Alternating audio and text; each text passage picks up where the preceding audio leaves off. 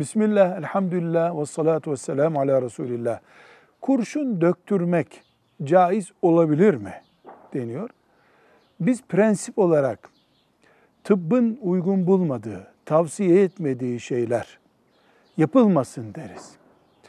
Tıp bir şeyi tavsiye ediyorsa da zaten o tedavi yöntemidir. Kurşun döktürmek bir tür nazara karşı genelde uygulanan, yapılan bir iştir. Sadece basit, seviyesiz, düşüncesiz, tıbbi boyutu olmayan bir iştir diyoruz. İnşallah da büyük günahlardan birine sebep olmuyordur deriz. Asla yanaşılmaması, tavsiye edilmemesi gereken bir iş. Velhamdülillahi Rabbil Alemin.